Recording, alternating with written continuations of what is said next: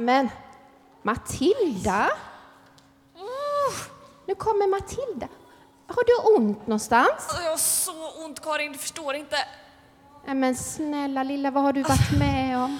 Jag har sovit Har du sovit? på Ja, en men- sten. Jag har hört att det är senaste grejen. Ja, men man kan prov- inte sova på stenar, Ja, Matilda. jag läste ditt... Alltså jag har, jag har ont överallt. Det gör ont i nacken och lite i revbenen tror jag. Och i knät med. Ja. Det, var, det var inte alls bra. Nej, alltså en säng, en mjuk säng och en mjuk kudde. Det är Ja. det man behöver när man ska sova. Och inte en sten. Nej, och, det var inte det. Jag har sovit så dåligt med. Inte bara på grund av den här stenen. Nähä? Nej, för...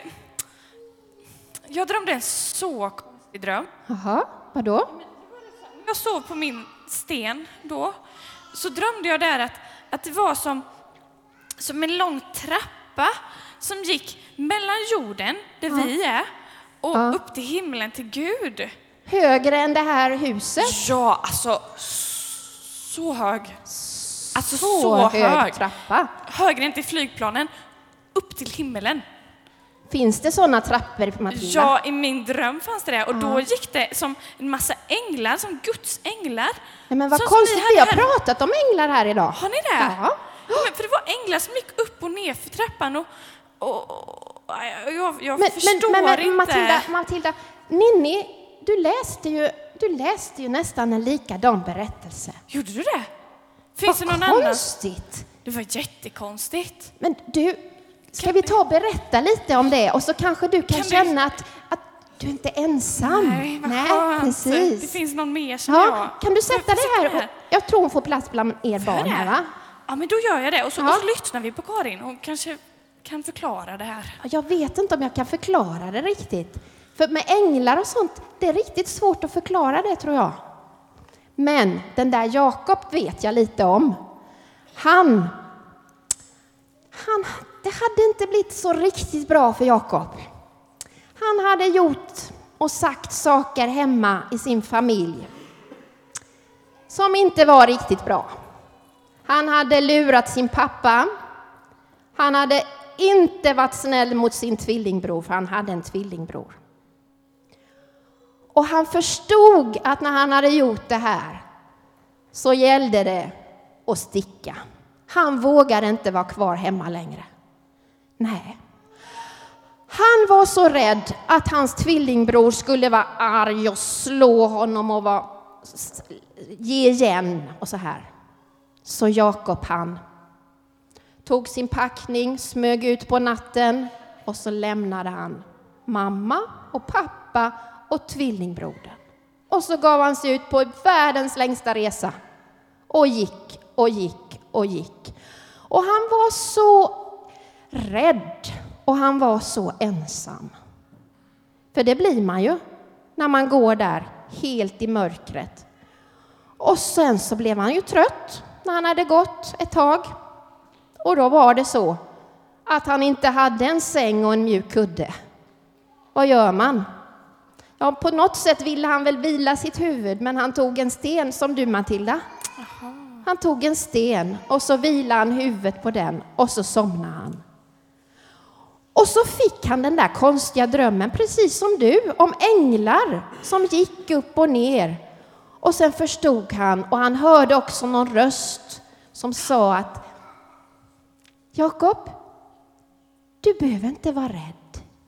Jakob, du är inte ensam. Det är så här att jag, din Gud, är med dig. Trots det här dumma du har gjort så är jag faktiskt med dig och finns nära dig. Och änglarna som gick på den här trappan visade Jakob att så var det. Han fick liksom ett bevis, ett tydligt tecken på att han inte var ensam och inte behövde vara rädd. Och sen gick han vidare och sen blev det ganska bra till slut med Jakob och han blev sams med sin bror så småningom och det slutade ganska bra ändå. Men det är inte enda gången som det står om änglar i vår bibel. Det står det om ganska ofta. Och det är en sak. som änglarna nästan alltid säger. Och det är tre ord. De tänkte jag vi skulle lära oss här idag. Tre korta ord som änglarna nästan alltid säger i Bibelns berättelse. Det är Var inte rädd. Ska vi säga det ihop? Var inte rädd. Det påminner änglarna om oss om. Och det får vi så många berättelser om i Bibeln som handlar om det. Och du och jag, vi kan ju också känna oss jätterädda ibland. Visst kan vi det? Ja, och jätteensamma också ibland. Och då är det som om vi får tänka på detta och veta att det finns faktiskt någon, även om vi inte får en dröm med en stege och massa änglar. Det kanske vi inte alltid får, som du Matilda har fått. Det var ju jättefint att du fick den, men vi kanske inte får den. Men vi kanske kan få känna det här ändå, att vi inte är ensamma och tänka på att Gud är den som vill påminna oss om att vi aldrig behöver vara rädda. När vi minst av allt, precis som Jakob, när vi minst av allt tror att Gud ska finnas där, så kanske han visar sig. Och det är väl lustigt? När det är som extra svårast, liksom. När vi minst tror att vi kan få möta Gud, då kanske han kommer till oss. Och det kanske inte alltid sker genom en ängel, för de är trots allt lite ovanliga. Men det kanske kan ske genom ett möte med en annan människa. Ditt möte kanske kan bli som ett änglamöte med en annan människa som får säga någonting till dig och visa dig någonting som påminner om att Gud är nära dig. Det kanske kan ske på en promenad i skogen i eftermiddag. Det kanske kan ske här på en gudstjänst i vår kyrka, att Gud visar sig för dig.